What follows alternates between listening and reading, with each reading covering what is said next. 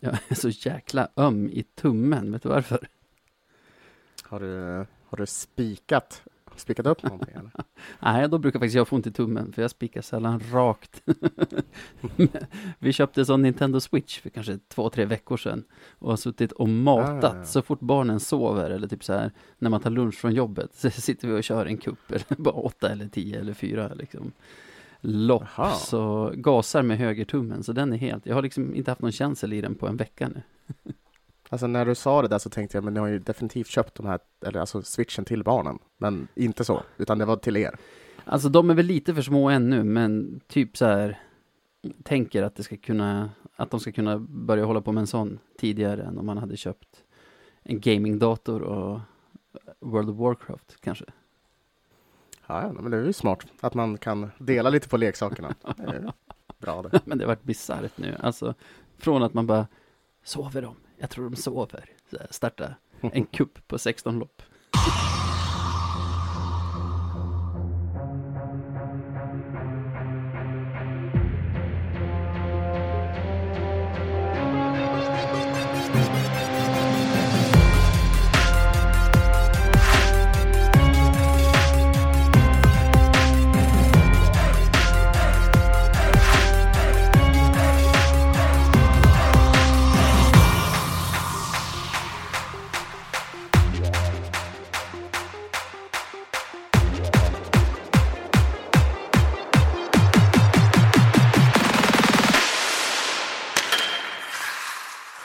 Ja, men då hälsar vi alla välkomna till ännu ett avsnitt av Radio 1970. Eh, jag heter Sebastian och med mig har jag ju Navid. Hur står det till med dig? Ja, men det står riktigt bra till, höll jag på att säga med mig. Varför, varför ljuger man alltid om sånt där? Det är helt okej, varken upp eller ner. Jag, det är som vanligt, frisk i alla fall. Har du blivit frisk ännu? Ja, det, jag v- vad är frisk? Alltså jag är friskförklarad så jag kan ju göra allting, men det finns ju fortfarande någon sorts hosta som, som, som är kvar, som är lite dryg, men förutom det så. Fattar. Ja, nej, man ska fan, det är när man är sjuk som man inser att man fan måste njuta av att vara frisk. För man tänker ju inte på att man är frisk när man är frisk. Men då klagar man ändå på massa annat ju. Det ska man alltid göra. Det är så jävla... Ja, det är otroligt. Jag får exakt samma känsla varenda gång jag typ ligger förkyld eller vad det nu än kan vara. Bara, fan, jag ska ta vara på när jag är frisk. Oj, vad skönt jag ska tycka att det är. Om jag överlever, om jag överlever den här förkylningen, det är 50-50. Ja, Då ska jag börja, Ja, är- då ska jag börja vara glad över när jag är frisk. det är, det är ena foten i graven varenda gång alltså. Ja, verkligen. Annan fråga. Följde Mhm. du eh, Game of Thrones när det gick på tv? Eh, ja, Eller ja, när det visst, gick på det tv? jag. Ja, exakt. Jag tänkte det bara, tv? Ja, nej, det gjorde jag. Jag tänkte på en scen ur den serien, efter söndagens match mot Almtuna. Du vet Cersei Lannister? Det, det finns en stark när hon pratar med, vad heter hon, Marjorie Tyrell, om vilken galen jävla psykopat hennes egen son är. Och då frågar Cersei Marjorie så här, tror du att jag har lätt att bli chockad? Och nej, smakar, svarar ju Marjorie då eftersom hon vet att Cersei är rätt jävla sjuk i huvudet själv. Det, det tror jag inte att du är. Nej, det är jag inte, svarar Cersei. Men sakerna den pojken gjorde chockade mig. Så jag tänkte låna den retoriska frågan nu. Tror du Sebbe, att jag som följt Löven i typ 35 år, inneburit förluster mot lag som Vännäs, Kovland, Husum, Sollefteå. Tror du att jag har lätt för att bli chockad av en insats som Löven gör? Jag skulle inte säga att du har lätt för att bli cho- chockad. Nej. Eller, eller det är ja. Den- Svaret är nej. Jag har inte lätt att bli Ja. chockad för någonting som Löven gör. Men i söndags mot Almtuna så blev jag det. Va, vad var det vi såg ens? Ja, det, det var väl någon, det var väl någon eh, tidpunkt där i matchen då jag vet att jag bara skrattade när Almtuna gjorde mål. Du vet så här, man håller på att gå galen, precis som Jokern i, i Batman. Lite så kände jag. För det var, nej, det var, det var, Va, vad hände? Alltså förutom att vi fick massa mål gratis av dem så att det ändå var Ja, målmässigt jämnt länge i matchen så var, nej men det, det var någon som skrev det på Twitter ganska bra. Och nu så minns jag inte vem det var, men det är ju skitsamma. Eh, det här såg ut som en division 1-match, alltså rakt igenom. Som när vi var i division 1 och spelade typ mot Asplöven, och, alltså Asplöven i division 1 och inte Hockeyallsvenskan. Ännu mer Hawaii, det fanns noll försvar. Och liksom det här, det kan liksom inte se ut så här. Det fanns noll struktur. Det var, det var verkligen bara full offensiv. Ja. Det var, det var allt vad det var. Och liksom, kände du till att du öppnat en ny motorväg? Som går rakt genom Lövens försvar? Bara raka Ja. vägen i mitten, rakt fram, välkommen. Tuta och kör. Vad, Nej, alltså, det var, men det var ju skrämmande att se på var det. för, för, för det är också så här, visst att man kan spela dåligt försvarsspel, men där känner man inte ens igen försvarsspelet. Nej. Alltså det, det fanns ingen det fanns ingenting som sa att det här var Björklöven på isen. att vi ville freda vårt mål överhuvudtaget. Och liksom så här, det var segt i lördags också att förlora mot Södertälje som ligger så långt ner i tabellen. Men sådana matcher har jag sett hundra av. De kommer varje säsong, de kom under, under rekordsäsongen också. När man bara ser att vårt lag är fan inte lika heta som motståndarna. Liksom, vi, vi spelar vårt spel, men det räcker inte hela vägen fram.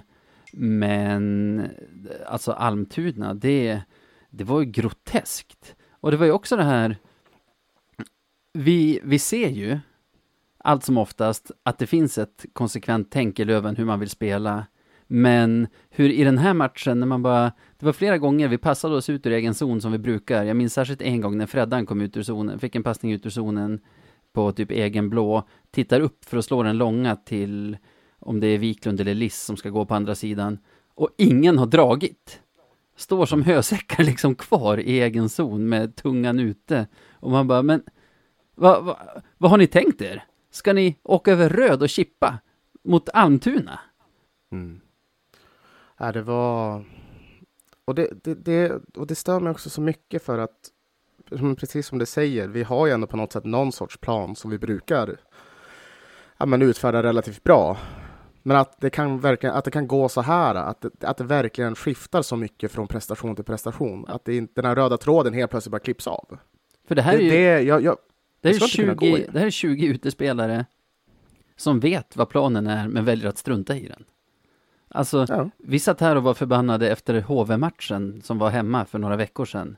Och den var ju inte bra, men det är ju fortfarande kanske, alltså, den typen av besvikelse som kanske Södertälje-matchen var. Så här, det här var lite för dåligt. Alltså, större besvikelse, för det fanns fan inte, ingenting där då. Men det här är någonting i hästväg. Jag kan inte minnas när jag kände så här efter en match senast. Ja. Ja. Ja, alltså så där. Skulle man lyssna tillbaka i podden så kände jag säkert så för max en månad sedan eller två. Men Nej men, du, nej men du har rätt i din analys, för det här var någonting annat. Och sen att det, det, liksom, det byggs ju ändå på av Södertälje-prestationen. Ah, det, ja. får man inte, det får man inte glömma. Och att de här två lagen är där de är i tabellen. ja, ja. Det är sådana att vi moment åker på som, en roadtrip. som adderar till det. Att vi åker på en roadtrip och ska möta lag 12 och 13 i serien. Och kommer hem med en av sex möjliga poäng. Ja, det, det, Det- ja, Det är klart att det adderas ihop, att man är fucking rasande. är fruktansvärt. Vet du, jag kan faktiskt säga den, den senaste gången jag kände exakt så här som jag känner nu. Det var förra säsongen, dubbelmötet mot Modo, när vi torskade båda. Just det. För det var bara fruktansvärt hur illa det var. Alltså att prestationen verkligen inte ens fanns där. Mm. Och det, nej, det, det var något Modo av det som värsta. då var ett bottenlag, de är inte det nu, det är lätt att glömma att, de, precis. att de var det då. Vi har väl även tre nollpoängare mot Väsby förra säsongen. Ja, Ja, man har nog känt sig så här Ja. några gånger ändå, nu när, man, nu när jag lugnat ner mig lite. Eh, generellt ganska dålig coaching genom veckan också, eller? mm, det, det, får man väl, det får man väl tycka. Det blir, det blir ju lätt det, om vi bara ser på Almtuna-matchen, om vi tar den som exempel nu. Eh, Den var ändå senast att vi... De vet ju om det här, de vet ju om det här själv. Eh, Och att man inte lyckas få till någon sorts förändring under de här 60 minuterna som det faktiskt är total jävla katastrof. Det är inte, det är inte godkänt. Och sen också när han väl tar en timeout där så ser han ganska ointresserad ut, alltså Hans Wallson. Och samma sak med, med Lahti. Eh, det, det, det duger inte, utan de, de måste kunna motivera det, spelarna. De måste kunna få till någon förändring. Det är väl en sak. Alltså jag tycker timeouten, jag har svårt att brinna på det där. Man ser ganska ofta i olika sporter tränare som låter spelarna eller lagkaptenen ta timeouten och att det, att det kommer från gruppen och det, det är okej okay med. Men jag tycker så här, alla vet att till exempel kaptens, kaptenslinan ska spela ihop under slutspelet. Håll inte på att testa saker som, som List där till exempel. Han kommer, han kommer aldrig att spela där. Varför, alltså, de här, det som vi pratade om förra veckan, att det känns som att, att vi testar olika formationer liksom utifall att. Utifall Selin blir mm. skadad, hur, hur kör vi då? Men vi kommer inte köra med List där ändå. Alltså, det finns ju ingen balans alls i den linan. Jag tycker, det var bara ett exempel nu. Jag tycker det är så himla konstigt att hålla på. Det känns lite som att, som att dra en liten lott varje gång för att se vem som ska vara trettonde och vem som ska spela på den personens plats i så fall och så vidare. Mm. Ja, men det är jättemärkligt och vi har väl suttit här varenda gång och sagt det. Bara, ja, varför är, varför är Selin där just nu? Ingen aning. Mm. Ingen aning. Och ja, och så har det sett ut lite grann. Uh, men inte, inte bara det. det. det. var inte bara i den här matchen uh, mot Almtuna, men jag tror det var mot Södertälje-matchen. Så sätter han in Olle Liss i boxplay. Och jag, jag, kan bara inte förstå varför Olle Liss ska spela boxplay. Kan ha varit Almtuna-matchen. Jag minns att jag såg det också. Ja, jag är säker på att det var båda matcherna. Ah, okay, okay. ja, den gången jag såg jag det, då hade Liss gjort något mo monsterbyte med hårt jobb. Så då tänkte jag så här, okej, okay, det uppmuntras, kul. Men alltså det är ju fel spelare och liksom spela för att vinna. Spel, alltså snälla spela för att vinna varje match. Är det jämnt mm. i slutet, gå ner på folk eller gör något. Det, nu vill inte jag mm. liksom kvalificera in mig i den här skaran av liksom slentrian, slentrian Wallson-hatare liksom, som, som vi ändå har i supporterskapet. Men det, det är flera grejer som jag tänker så här, va, varför? Varför gör du så? Men, nu så här, dåligt hela vägen. Men med en minut kvar av Almtuna-matchen får vi ett powerplay där den här timeouten som du säger uppstår. Och då kastar han in Liss i powerplay som inte har varit där på ett tag. Och det tyckte jag ändå var så här, då kände jag så här, ja men, helt rätt.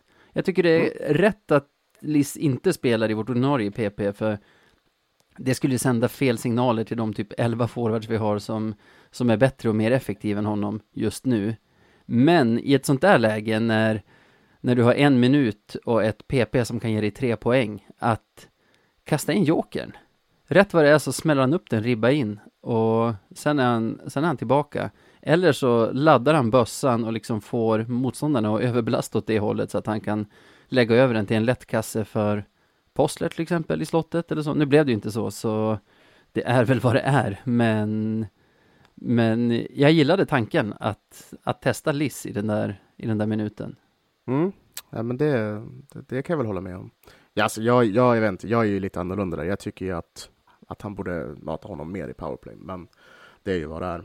Men eh, ja, det visar på något, om man ska ta med sig någonting. Eh, ja, det behöver man inte göra, men jag, det var bara en detalj som jag kände så här, oh, klokt. Ja. ja. Nu var det inte så klokt, för vi vann ju inte matchen, vi förlorade. men det kunde varit bra. Det kändes just den här matchen hade nog fan ingen annan gjort det bättre heller. Liksom. Nej, det, så är det ju dessutom. Bra.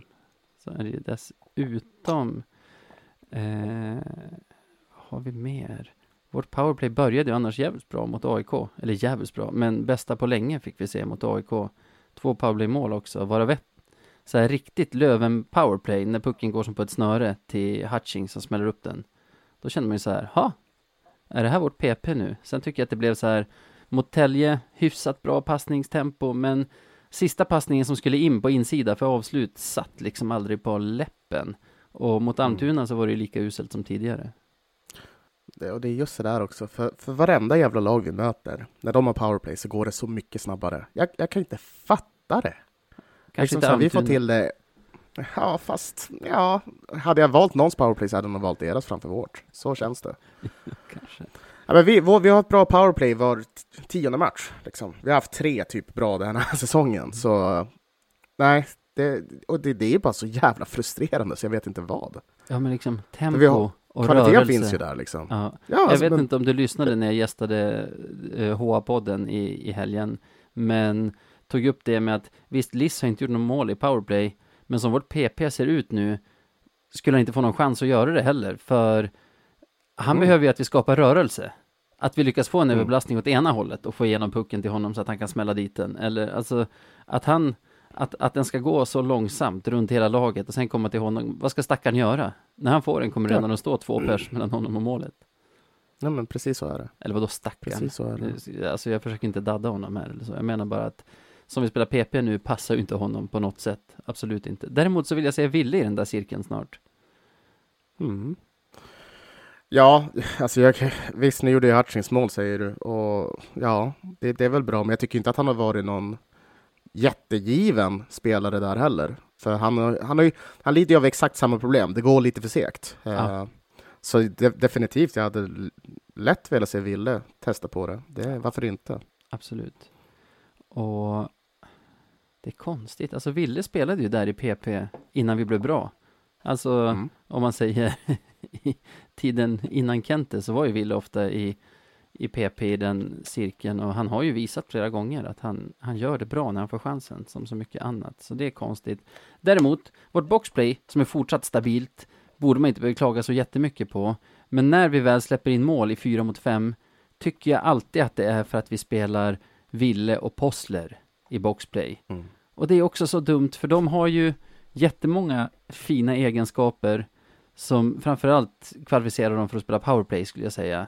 Även om Postler har ju mycket så att i teorin skulle han vara en bra boxplay-spelare, men de är inte synkade med varandra. De, de drar när man kanske borde hålla tillbaka. De, de stannar upp när de kanske borde testa dra. De, om en stöter så säkrar inte den andra upp, utan jag vill inte singla ut dem. Och särskilt inte eftersom det är två, spel, alltså två av de spelare jag gillar mest i laget. Men det finns ingen sans i, alltså vi har forwards som ska, ska spela mycket boxplay. Vi har Freddan, vi har Wiklund, vi har Selin, vi har Gerard. Jag tycker Otto har många bra egenskaper för boxplay de gånger han har gjort det genom åren. Mm. Det finns andra. Mm, det gör det. Nej, men jag, jag, det, jag håller med dig i det där. Och det känns också som att det känns så här att jag, jag vet inte hur mycket man vill ändra det ändå. För det, det, som du sa innan, det är, fort, det är ju ändå relativt stabilt. Men varför inte? liksom. Ja, Det finns så mycket att tillgå. ja, men det det- finns ju, jag tycker det finns en formation som gör att det inte är lika stabilt. Ja, det, det är väl kanske så. Sen, de var ju inte inne i det boxplay-målet vi släppte in i förlängningen mot Almtuna, för, men det var inte en 4 mot 5. Det var ju en 4 mot 3, 3 mot 4. Eh, så, men alltså Träna som du ska spela match och spela match som du har tänkt spela slutspel. Alltså, jag, jag orkar inte med det här liksom trixandet och trollandet längre. Mm. Ja, men det börjar ju dra ihop sig, så det definitivt. Har du sett med den här tabellen? Det är en Västerås-supporter som heter Filip Sunnell, har jag för mig. Som har satt ihop hur lagen har presterat när de har mött topp 6, när de har mött mittenskiktet och när de har mött plats 11 till 14, tror jag det är. Ja, jag har slängt ett öga på den har jag.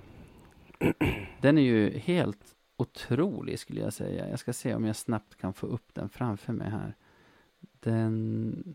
När det gäller i hur man spelar mot de fyra sämsta lagen i ligan så har till exempel HV nästan tre poäng per match. De har typ så här 2,94 eller något sånt. Eh, det, det gör ju att de leder serien bekvämt och kommer att ha hemmafördel genom alla steg i slutspelet. Alltså så beter sig ju ett topplag. 2,91 har HV. Så, så betedde vi oss under vår rekordsäsong och så beter sig HV nu. Modo 2,50. AIK Mm. 2,50. Löven, om man bara räknar poängsnitt mot de fyra sämsta lagen, är vi nia i tabellen med 1,64. Alltså av tre poäng tar vi 1,64 av de sämsta. Ja, alltså i slutspelet så kan man ju säga att det spelar mindre roll, för då kommer vi inte möta de fyra sämsta lagen längre. Men alltså man vill ju, alltså man vill ju ändå att laget ska kännas som en maskin under grundserien som som liksom maler ner sämre motstånd. Mm. Ja, men det är också det där att oavsett vad man har för... Alltså oavsett om de inte kommer spela i slutspelet eh, alltså, ändå, så är det så att det där är poäng som är viktiga för oss när det gäller att ha liksom, ja, men en, en plats i slutspelet och det, det beror väldigt mycket på vilka man får möta i början av slutspelet. Så det är inte några matcher som man bara kan kasta bort på grund av att de inte spelar i slutspelet sen. Och ja, jag håller med dig. Det, visst, några bottennapp här och var, det är, det, det är fine, sånt händer. Men när det börjar bli en grej av det, det är, det är inte, det är inte okej, okay, helt enkelt. Det är inte acceptabelt.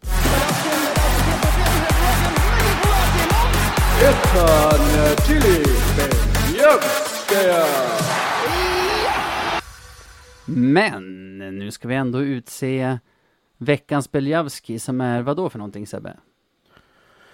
Det är veckans svåraste moment, för vi ska utse den bästa spelaren i Björklöven. Ja, men ja, det är Fast den här ju... veckan är den lätt. Den här veckan är den lätt. Vi har ju haft svårare veckor. Ja, det eh, fan. Jag tror jag vet den som får säga först, vem den kommer att säga. Men då kan du faktiskt få säga först, för jag har lite av en joker känner jag. Har du en joker? Ja, men en, en outsider i alla fall. Någon som förtjänar att nämnas. Ja. Någon som förtjänar att nämnas. Ja, ja, ja absolut. Eh, nej, men min är ju ganska självklar då. Jag kommer gå med William Eriksson, eh, faktiskt. Eh, Rimligt. Han eh, gör en balja mot eh, SSK, en mot Almtuna. Ett, och jag har för mig att han inte gjorde någonting mot AIK, men, men gedigen spelare. Han gör sitt jobb eh, och han gör extremt viktiga mål för oss. Så nej, jag, jag, tyckte att han utmärkte sig den här veckan och det var inte mycket till competition enligt mig i alla fall. Nej, ja, det var honom jag tänkte att den som får se först kommer att säga.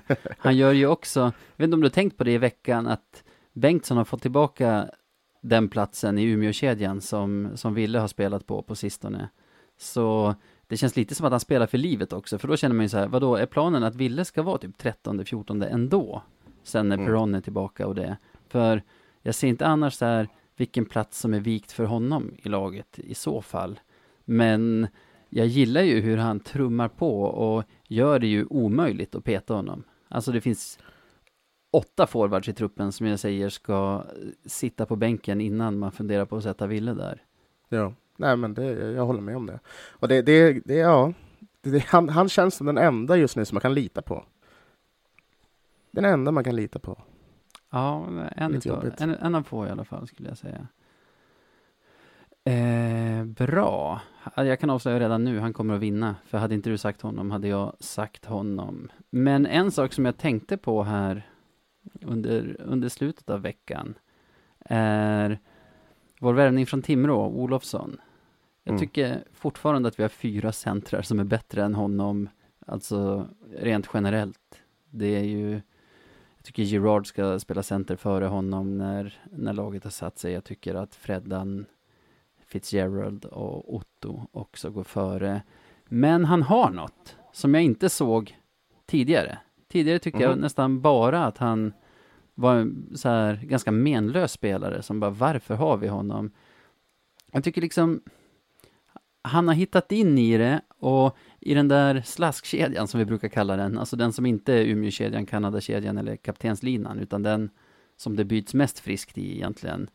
Den har ju han fått centra sedan han kom in och tycker att det liksom, oavsett vilka han flankeras av, så spelas det ganska rakt och effektivt när den kedjan är inne. Och han måste ju ha ett finger med i spelet där, som han är den enda konstanten som, som är där. Alltså när det var Liss och Bengtsson, tyckte jag den var liksom stabil och höll sig inom ramarna på ett bra sätt, effektiva. Sen den här veckan har det varit Ville och Gerard han har flankerats av och då har det funkat bra också. Så jag vet inte vad det är, men, men någonting har han ju eftersom det ändå vad ska man kalla det, rullar på när, när det gänget är inne. Mm. Ja, men jag, jag, jag håller med. Alltså jag, jag tycker ju om han. Eh, jag tycker att han, det, det, blir någon sorts jävla balans liksom. Det, han är inte det här superoffensiva hotet, men han är definitivt ingen, eh, ingen som gör det sämre i det defensiva heller. Det, det känns, jag vet inte, han känns som ett ankare, ett bra ankare. Ja, och jag tycker sen när man ser eh, aktioner av honom, defensivt och offensivt, kan man vara så här, men det här var, alltså, vad gör han? Men det är liksom helheten är att den kedja han centrar ändå alltid är lite så här stabil typ. Sen har Mm. han ju några grejer. Det är ju fan Hutchings-klass på vårt 1-0 borta mot Södertälje, hur han vinner tillbaka pucken nere i, nere i kortplanket. Och typ som att han har ögon i nacken serverar Ville i slottet. Ja. ja men det, det är lite gubben i lådan kan man säga. Nå, enkel Ja. vinst för Ville eller?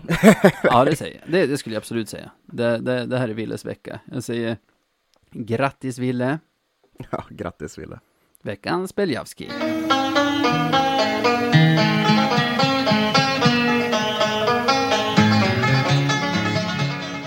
Veckans Marklund. Ja, då kickar vi väl igång det andra segmentet som vi tycker om så hemskt mycket, alltså veckans Marklund. Eh, Navid, du kan ju berätta vad, vad det innebär.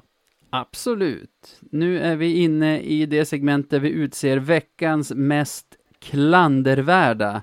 Vem eller vad eller vilka som har skämt ut sig mest i veckan. Mm. Ja, Jag har Ja, typ två, du. tror jag. du har två. Ja. Eller, jag är en lite så här Sebbe-skruv. Jag är inte Mhm. helt säker på vem jag vill nominera, men någon måste få höra det i alla fall. Ja, Och men vad har- fan, börja, börja med den då, så får vi, får vi se vad det är. Ja, jag tror att det är min nominering. Jag har ju som sagt två. Men jag blir så jäkla irriterad på kanske framförallt spelarna, men också bara hur systemet är uppbyggt och allt när tongivande hockeyallsvenska spelare bara försvinner till SHL för resten av säsongen. Den här Mm. tiden på, på året. Du har ju han Modigs i Modo, som det blev klart här just innan helgen var det va? Att så här, han typ leder deras poängliga, eller med i toppen i alla fall. Och de har ju något bra på gång ändå, skulle jag säga, i Modo. Och han bara blästar iväg till LHC, tror jag. Nu ska jag vara här resten av säsongen. Tja då. Och idag, jag vet inte om du har sett det, men heter han Amil Kupric, Krupic, något sånt, i Kristianstad? Stabil back där. Ja, Krupic tror jag att det är. Krupic, ja. ja. Mm. Enda jag tänkt, det jag tänkt mest på med honom, det var ju någon match mot oss när han blev intervjuad. Vilken otrolig dialekt han hade. Jag kollade upp, han är från Halmstad. Men han pratade ju liksom inte som Bengan Johansson eller Per Gessle, utan mer som typ så här en kaxig malmöit. Men otroligt. skitsamma. Ja, han ska, han ska spela resten av säsongen med Växjö. Och som Mm. jag förstår, på lån också. Så han är ju fortfarande Kristianstads spelare sen när, när han spelar färdigt säsongen med Växjö och hans gäng som ändå har någonting bra på gång i allsvenskan också. Eh, har fått Mm. spela av sin säsong. Då ska han komma tillbaka. Bara, Tja gubbar, då kör vi Jesus. barmark. ja, fy fan. Det- Ja, Alltså, spelarna, jag blir arga på dem. Samtidigt har vi byggt upp någon sorts system i svensk hockey, där jag antar att förbundet är ansvariga, där det blir en sån maktfördelning, alltså först och främst ekonomiskt, alltså till SHLs fördel gentemot alla andra, men i och med det också, vad ska man säga, glamourmässigt eller så här uppmärksamhetsmässigt och så, så det man fattar ju också spelare som, som vill uppåt i karriären om, om de får chansen jo, jo. Alltså, eller fattar och fattar. Alltså, jag skulle vara rasande på Modig som jag var Modoit eller på, på Amil om jag var eh, kikare. Men det, det är ju något stort och ruttet fel i hockeyn, så därför jag har lite svårt att sätta fingret på vem, vem det är jag nominerar riktigt. Typ svensk hockey, eller så här, Svensk hockey. Hockeyallsvenskans farmaliga-tendenser. Ja, nej, men det, det låter väl rimligt. Ja, vi har ju själv varit med om det där, till exempel med, med Emil Lundberg liksom. Så Ja, den har vet- fortfarande inte hämtat mig ifrån. Nej, nej, nej, och det, man Inte är förlåtit heller, orolig. och det är sju år sedan. Ja, nej, man är alltid orolig liksom. För en vecka sedan var det sju år sedan, jag har inte förlåtit en enda procent av, av den grejen. Det var dessutom så här två timmar före transfer deadline eller något sånt också. Typ, typ, tror det. Tack, Ja, tack. det var, hade vi haft, jag är övertygad om, hade, hade vi haft kvar honom i truppen då, då hade vi fan kunnat gå upp alltså. men, men. men, Du men. fortfarande, du hade fortfarande varit tvungen att passera Peter Lyth i slutspelsserien. Ja, jo visst. Det, det är ju jävligt svårt faktiskt. Det kan vi ju lugnt erkänna. Svårare än vad man tror det där. Även om man gör mål så då blir det inte mål. Så ja. Nej, men det jag tycker ändå att det, det är väl en rimlig nominering. Ja. Sen Mm. har jag en lite svajigare. Jag tror dessutom inte att det är veckans. Det är som bara något jag vill nämna för att jag blev så irriterad när jag såg det. Och Mm. det är Tjeckiens förbundskapten i hockey. Vet du vad han heter? Nej, nej, jag vet faktiskt inte vad han heter. Filip Pesan verkar han heta. Pesan. Jag kan inte, jag vet inte hur tjecker uttalar sina namn. Pe, Filip Pesan. Mm. Eh, bara jag satt och scrollade på Elite Prospects, eh, liksom de olika OS-lagens trupper.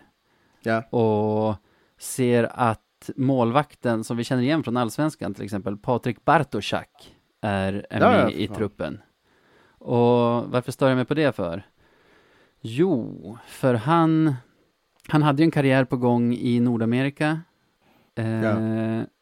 Men lämnade hastigt och lustigt USA där han bodde för att undslippa åtal på, jag läste om det idag, 12 åtalspunkter som inkluderar, ja, som inkluderar att han liksom har slagit sin flickvän sönder och samman, hotat henne Ja. och bara, ja. Va, vad ska man säga? Varit en jävla gris i hemmet. Ja. Och det är i och för sig ett tag sedan, 2015, så han hade ju varit en klockren veckans Marklund den veckan. Men det är också så här, för att få representera ett land som olympier, måste väl finnas någon lägre moralisk gräns Mm. för vem som får göra det. Ja, det där. Det där är ju hemskt på ett helt annat sätt. Är. Ja, det är riktigt jävla... Uh, och nu menar jag inte att deras coach är värre än, än han som faktiskt har spöat på sin flickvän och, eller att Alltså, men, men det var nu i veckan jag såg den här, alltså att han var med i den truppen och kände vad i helvete. Det ska, borde ju vara standard att, ja, inte vilja ta i honom med tång just nu. För Mm. det... Nej, det där lät inte alls bra. Nej. Men liksom som vi har pratat om så många gånger, alltså ska man ta den värsta människan i världen varje vecka så blir det ju inte någon i Hockeysverige och det, jag det här är ju värre, men liksom i den värld som vi rör oss så är ju de här övergångarna, alltså den här farmarliga-verksamheten en större grej, så det är nog ändå min nominering. Mm, okej. Ja. Jäkla eh, sjukt om man jämför de två grejerna, att utse den. Men ja, jag gör det med brasklappen att jag, jag vet om att det är värre att utse en, en sån galning till olympier än att släppa spelare till SHL. Men ja, i den här kontexten så är min nominering ändå farmaliga-verksamheten. Mentalitet. Ja, ja. Ja, Ehm, ja, min nominering är lite närmare hem än så. Eh, det är... jag, jag brukar hålla mig ifrån dem ganska ofta för jag blir så irriterad efter förluster. Men det var en intervju med Wallson efter förlusten mot Almtuna som jag störde mig på något fruktansvärt. ja. Det är kanske det som gör så att... Eller ja, det, den gör, gör väl så att den lägger lite grund för vad, för vad jag tycker är fel just nu. Mm. I den här intervjun så det är ju efter matchen och, och Wallson står Almtuna-matchen, och, eller? Precis. Han, han står upp och pratar om ja, men, prestationen och hur det ser ut. Men, men sen så kommer det till en punkt då han där han liksom, det, det är nästan som att han uppmanar till lite lugn. Så här, vi ligger ändå fyra.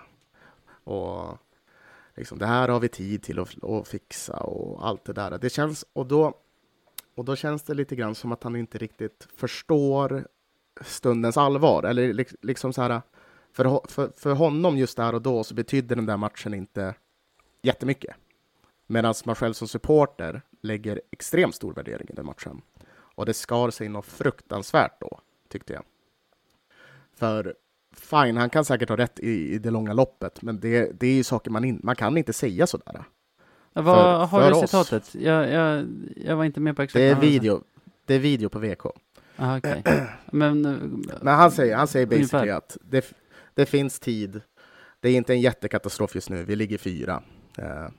Så det, det, det är vad, vad, vad han eh, vill ha sagt. Liksom. har han inte lite rätt då? Jag tycker inte det. Jag tycker, jag, jag tycker absolut inte det.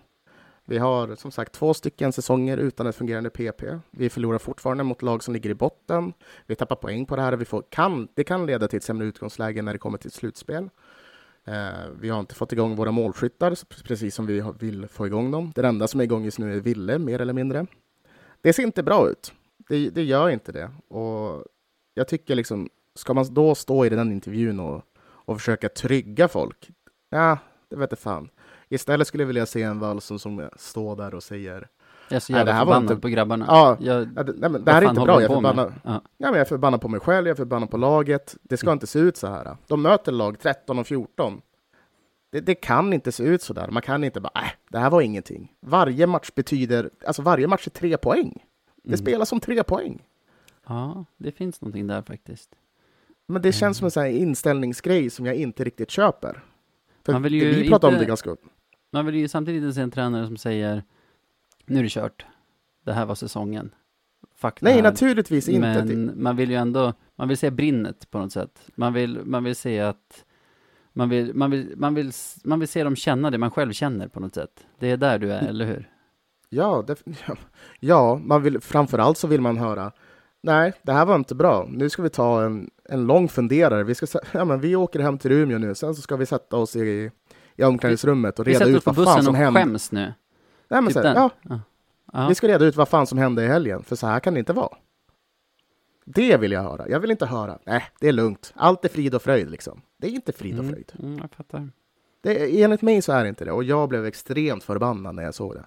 Mm. Så, så det är i alla fall min nominering. Eh, för jag tycker att man har, man, man har något sorts ansvar som men- tränare. Att, Kommunikativt. Visa respekt. inte annat.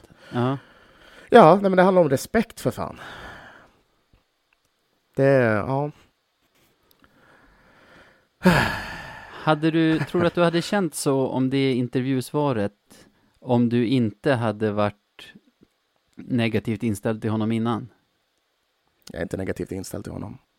Jag är negativt inställd till hur det ser ut när vi spelar hockey. Ja. Och jag tycker att ett krav ligger hos honom. Mm. Men förstår du frågan? Du, jag tänker att du var irriterad på honom redan innan vi har pratat om dålig coachning i, under veckan. Hade du reagerat likadant på intervjusvaret om du inte hade känt så, tror du? Men hur... Det jag, jag sitter bara och värderar abstrakt. här i magen vad... Om jag inte hade hejat på Löven, tänker du? För det är ju så jag inte hade kunnat känt någonting innan. Nej, om, det hade, om du hade varit nöjd med coachningen i veckan och känt att det liksom inte var där det satt och sen hade han svarat så på, på den intervjufrågan. Om vi hade förlorat på tillfälligheter i en, två matcher, eller ja, specifikt den här matchen då. Ja, då är det en annan femma. Om vi förlorar på tillfälligheter. Aha. Om vi äger spelet liksom, och det ser bra ut på isen. För oavsett liksom så här, matchcoachning hit eller dit. Han har ju också ett ansvar att se till så att spelarna får ut det de ska. Liksom. Mm. Så, ja. Nej, liksom, jag sitter ja. och försöker värdera, för vi ska utse en vinnare här. Och liksom, jag sitter och känner med magen.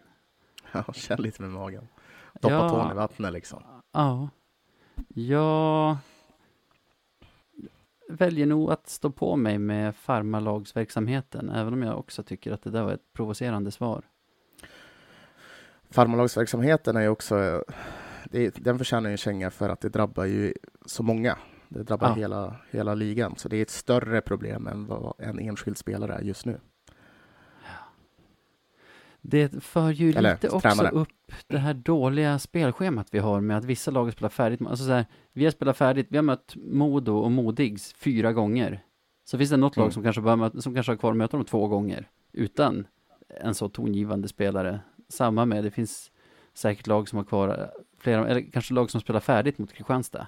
Mm. Och jag vet inte hur stor skillnad just han gör i deras lag, men du förstår, alltså det, det drar ju upp den frågan på, på dagordningen igen också. Det, Mm. det är för dåligt. Jag tycker bara att det är en så svag nominering för att vi fortfarande, vad, vem är det som vinner nu? Vad, vad heter vinnaren, eller vinnarna? Du ville stå på det. Jag, jag, ja, du tänkte så. Ja, alltså jag Eh, vet, Hockeyallsvenskan har ju en del i det såklart. Eh, ja, men det är liksom inte organisationen Hockeyallsvenskan som gör det. Nej, det är det nog inte. Svensk hockey känns ju så jäkla svajigt och, Ja, jag vet fan. Men, som jag brukar säga, ja. det får ju vara vagt så länge man har ansträngt sig. Så länge man har vänt på varenda sten för att hitta den skyldiga, så Mm. kanske det ändå landar i svensk hockey och det system Svensk vi har byggt hockey. upp. Ja. Mm. Det passar ändå bra sett till senaste halvårets trams överhuvudtaget i svensk hockey. Mm. Ja, grattis svensk, gra, grattis svensk hockey då. Ja, grattis. Veckans Marklund.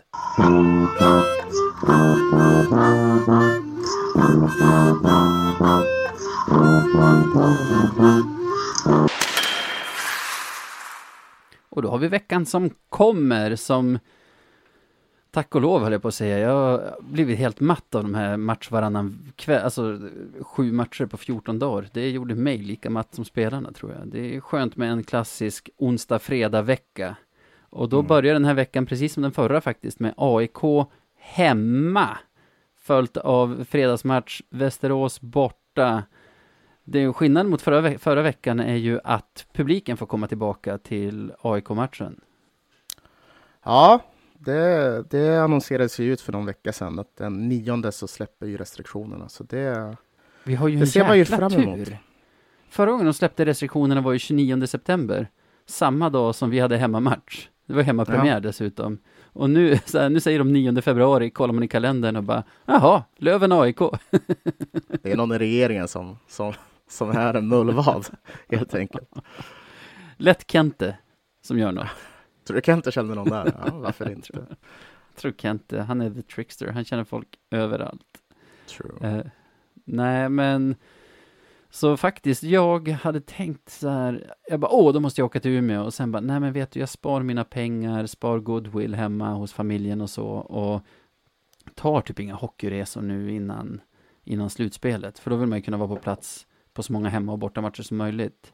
Jo. Sen såg jag den här videon från när Endre firade med klacken efter den förra matchen jag var hemma på, den Kristianstad-matchen.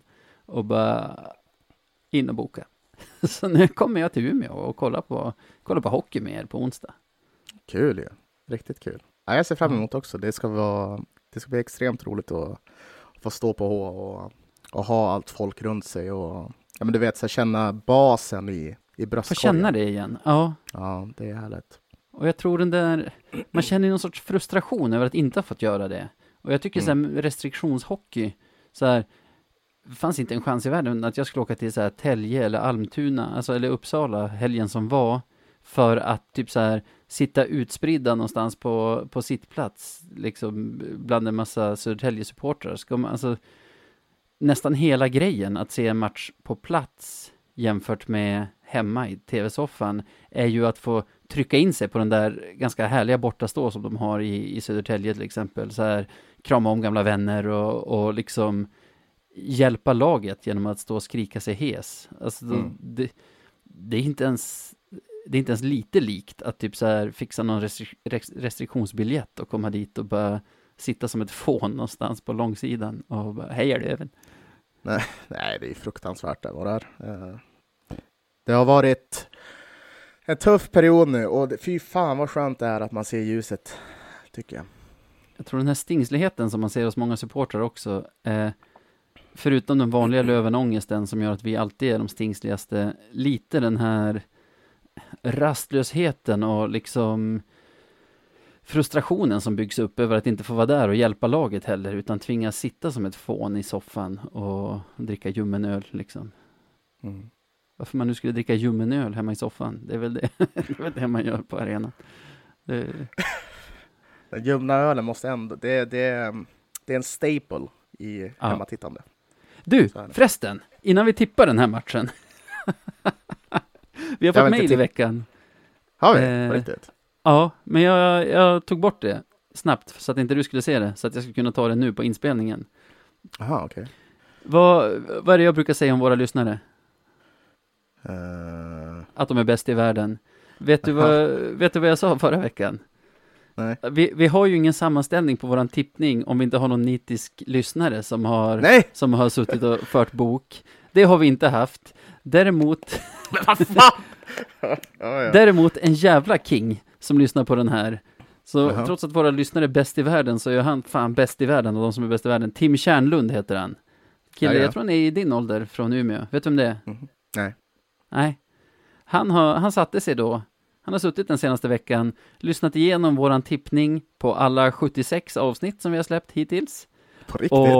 Och- Och kollat upp vad matcherna har slutat och gjort en tabell. Åh fy fan. Tim Kärnlund, jag har, skrivit det, jag har skrivit det till dig på Messenger, men jag säger det här också. Jävla king du är. Verkligen. Måste vi, fan, måste vi ordna någon present åt honom på något sätt. Shit. Vilken grej. Ja. Nu har jag lagt in senaste veckan, där jag har haft två rätt och du ett. Men det räcker inte. Du leder Nej. den här säsongen med 2018.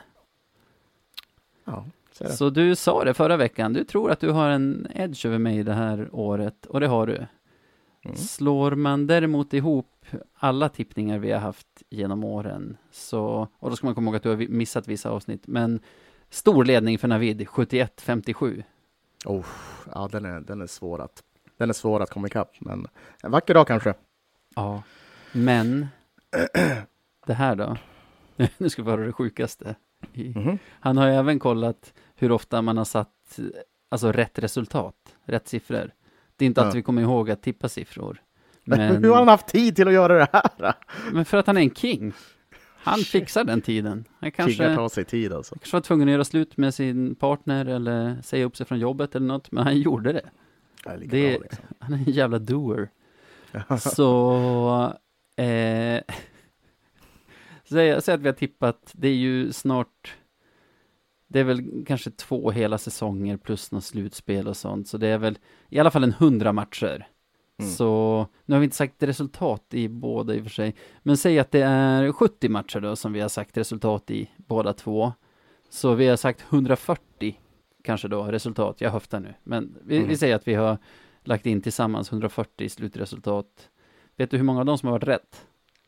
Alltså, det är inte många alltså. Två kanske. Nej, Oj. det är lite lite. Tio. Sex. Åh, fy fan. Det är tur att vi inte spelar liksom så här på det här. Shit. Och det är tur Ja, att det här segmentet inte är sponsrat som jag trodde att det skulle bli i början. Det kommer ta två veckor, sen kommer något spelbolag och vilja sponsra just det segmentet. Presenteras i samarbete med Sat. eh, jävla genidrag av dem att inte höra av sig och vilja sponsra oss. Exakt när de får reda på det här. De kommer inte torska mycket pengar. Det är våra spelare i alla fall. Ja! Spela på Se- Sebastian och Navids rad. Aldrig! Men du har, du har en edge där. Du har på de här tre åren tippat rätt på fyra matcher och jag två. Ja, är det. Så dubbelt upp för dig. Det är Ja. sjukt. För jag tänker ibland så här, ja ah, just det, det där är ju exakt det resultat jag tippade i podden. Men om man tittar tillbaka i hans sammanställning, då ser man typ så här, en match där jag har trott att jag har gjort det, då kanske jag har tippat att vi ska vinna med 4-3 i overtime och så vann vi med 3-2 i overtime. Alltså sådana ja, grejer. ja, ja. Mm. Men alltså, det, det finns ju två sopor här. Och det är du och jag. Och så en, en riktig jävel alltså, som, som har löst här, den här sammanställningen. Ja, det är otroligt. Nej, det är, man blir smickrad. Vad, vad kul. Det är, Ja, verkligen. Världens bästa lyssnare, som sagt. Ja, så är Och det. ska vi låta den succén fortsätta då genom att vi tippar varsitt resultat i Björklöven AIK på onsdag? Ja, vill du börja den här gången kanske? Ja, Du, får du får börja den här gången. Jag börjar. AIK är ett lag som vi haft lätt för den här säsongen, som vi ska möta tre gånger på kort tid nu. Vi hade bara mött dem en gång innan förra onsdagen. Alltså publiken tillbaka till arenan, spelare som skäms över sin insats i helgen. Det måste bara bli seger. Särskilt med den stämning vi kommer skapa nu också tillsammans på onsdag. Jag säger att det blir 6-2 Löven. Ja. Jobbigt. Den hade jag också velat tippa vinst på, men det är onsdag. Det kommer bli en mörk onsdag det där. Oj, oj, oj, fy fan. Oj, oj, oj, krismöten kommer det vara. Men, men eh, Ja, kvartssamtal med Erik GD kanske, som riktiga Stockholmshuliganer. ja, sitta kvar där, ta en kaffe och prata lite om livet kanske. Nej, men eh, nej, det är ju. Jag får väl tippa på en förlust då. Eh, jag tror att. Ja, men jag tror väl ändå på något sätt det kommer bli mycket mål i matchen. Så, så jag vill ju säga att det, det, det kommer, och, och jag vill säga att det kommer vara jämnt om vi ska förlora.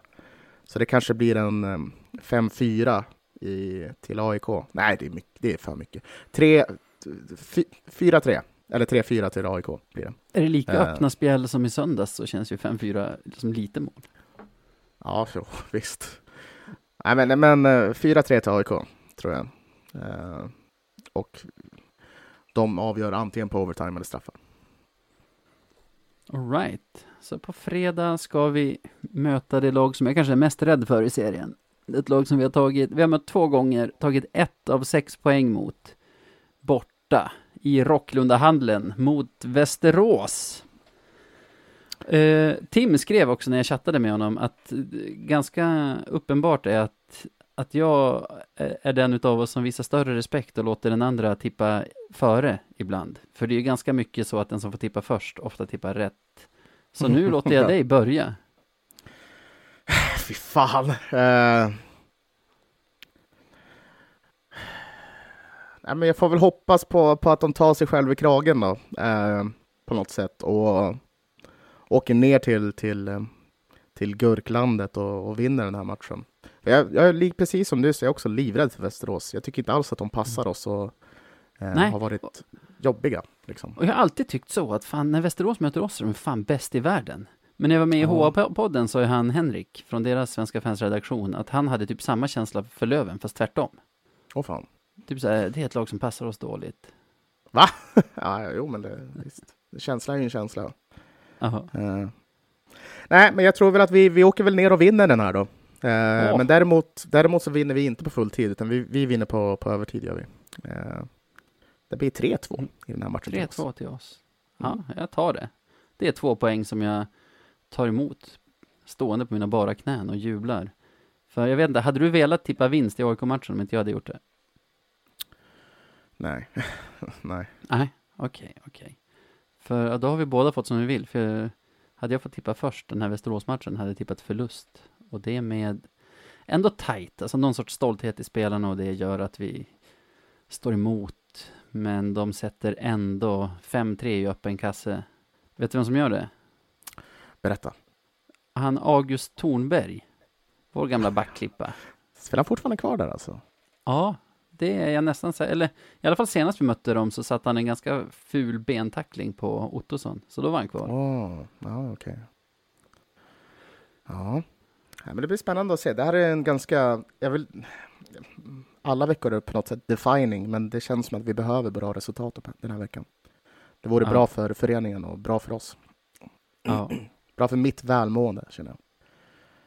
Ja, faktiskt. Det är ju lite den här nerven. Det har varit, även efter den där veckan då vi torskade mot uh, Karlskoga och Mora, att man kände så här, vart fan ska det här ta vägen nu? Ska vi sjunka som en sten i tabellen? Och så vann vi några, så, så tänker man inte så mycket på det. Och så två sådana här surtorskar och nu är det typ det enda man kan tänka på. Vad- Ja. Vart fan ska vi landa nu? Ja. Men du, lite tankar från mig. Eh, laget har gjort några bedrövliga insatser den här säsongen. Några för mycket enligt mig, som vanligt. Men vet du vad jag tycker är värre? Berätta. Umeå-publiken tycker jag gjorde en del riktigt usla insatser tidigare under säsongen, alltså innan restriktionerna kom tillbaka. Och det tycker jag är oroväckande. Jag pratar inte främst om klacken, det är ditt gäng och ni har säkert ett system för att utvecklas, bli bättre hela tiden och utvärdera er. Men jag syftar på mitt folk, de som står utanför klacken eller på sitt plats. Mm. Jag har ju börjat träna igen på senare tid för att komma tillbaka till någon sorts fysisk normalitet. Och på mitt gym hänger det en tavla med sån typisk gymklyscha som det nog finns i alla gym i hela världen. Vet du vad det står? Never give up. Står det Nästan. Don't wish for it, work for it. Har du hört om plattare? Grym. Vilken, vilken motivation man får. Jag tycker den är platt som en pannkaka, men ändå så är klyschor klyschor för att de stämmer. Så jag har faktiskt satt en påminnelse i min telefon nu, så här, varje dag klockan 12, när det är dags Ja. för mig att lämna datorn och gå ner till gymmet, då kommer den texten upp i skärmen. Don't wish for it, work for it. Ja, det fan. Funkar det så funkar funkar det liksom. Ja. Ja. Men vad menas med det då, egentligen? Jag, jag, jag började tänka när, när jag såg den första gången på eh, dåvarande Washington Capitals-tränaren Bruce Bedreau i HBO när de gjorde en dokumentärserie som heter Road to the Winter Classic för typ tio år sedan, jag tror det var 2010. Så Mm. jag har klippet med mig. Så vi låter Bruce Bedreau förklara vad, vad den där slogan men, betyder. Och när du lyssnar på det här, känns det inte lite som att han pratar om vissa Löven-fans? I have never seen a bunch of guys look so fucking down when something bad happens. What are you guys, like prima donna perfect that if you can't fucking handle adversity, so shit's not going right. Fucking get your heads out of your ass and fucking make it work. If you want it, don't just think you want it, go out and fucking want it. But you're not looking like you want it. You look like you're feeling sorry for yourselves. And nobody fucking wants anybody that's feeling sorry for themselves. Surely the fuck we can deal with this. Ja. En liten sammanfattning, fri översättning till svenska. Sluta tycka synd om er själva. Vill ni ha något, gå ut och visa att ni vill ha något. Alltså, don't wish for it, work for it, helt enkelt. Och jag tycker så här, från att du går in i arenan som publik så har du ett jobb. Och det är att göra allt för att vinna matchen. Du kanske inte är skyldig just de spelarna på isen eller de tränarna i båset det varje gång, men du har en plikt gentemot klubbmärket, gentemot spelarna som fått sina nummer hissade i taket och gentemot andra supportrar. Och det är ganska enkelt. När klacken sjunger, sjung med, eller klappa om du inte vågar sjunga. Eller mitt tips, som jag brukar göra, är att adlibba lite. Vet du vad det är? Fylla på, alltså Ah, stärka ah, upp dem. oh. Ja, att liksom så här, kanske nynna med i texten, men, men hugga i, i de viktiga, typ så här, vi ska upp igen! Att, att man hakar på dem, eller söder, söder, söder. Det kan alla göra. Eh, och att du sitter på fina platser har ingen betydelse. Jag har en, en av mina bästa vänner sitter i en sponsorloge. Han sjunger med i ramsor, gapar på domarna och kör liksom halsdukshelikopter när Löven gör mål. Så finns inga ursäkter. Och mer då, sluta inte sjunga eller klappa för antingen klacken påbörjar en ny ramsa eller att Löven gör mål och det övergår i ett jubel. Det är de två gånger man kan tystna. Om folk, om folk runt om dig tystnar så ropar du åt dem att hålla i. Och sen allt sånt här med att under match börja gapa om att Wallson inte tar timeout eller att Liss inte jobbar hem. Absolut. Efter matchen, ring din mamma och gråt om det så kan hon trösta dig. Men under match har du ett jobb att sköta. Och sköter inte du ditt jobb, då kan du inte kräva mer av laget, eller av ledningen, eller av klacken heller för den delen. Och jag vet att det inte är så modernt att se sina egna skyldigheter. Det är väl mer på modet att se sig själv som berättigad till saker och tycka synd om sig själv när andra inte gör vad man kräver av dem. Men med den primadonna-inställningen, för att låna ett ord ur Bruce Bedreaus vokabulär, kommer vi aldrig lyckas göra ladan till det här ointagliga fortet som det ändå har varit genom åren. Så helt enkelt, don't wish for it, work for it. Vill vi att Lövenspelarna ska göra sitt jobb bra, då får vi göra vårt jobb bra. Känner du också så? Jag håller med till 100 procent. Alltid lika kul att snacka med dig Sebbe. Tack för den här veckan och tack till alla som lyssnar. Ha det gött!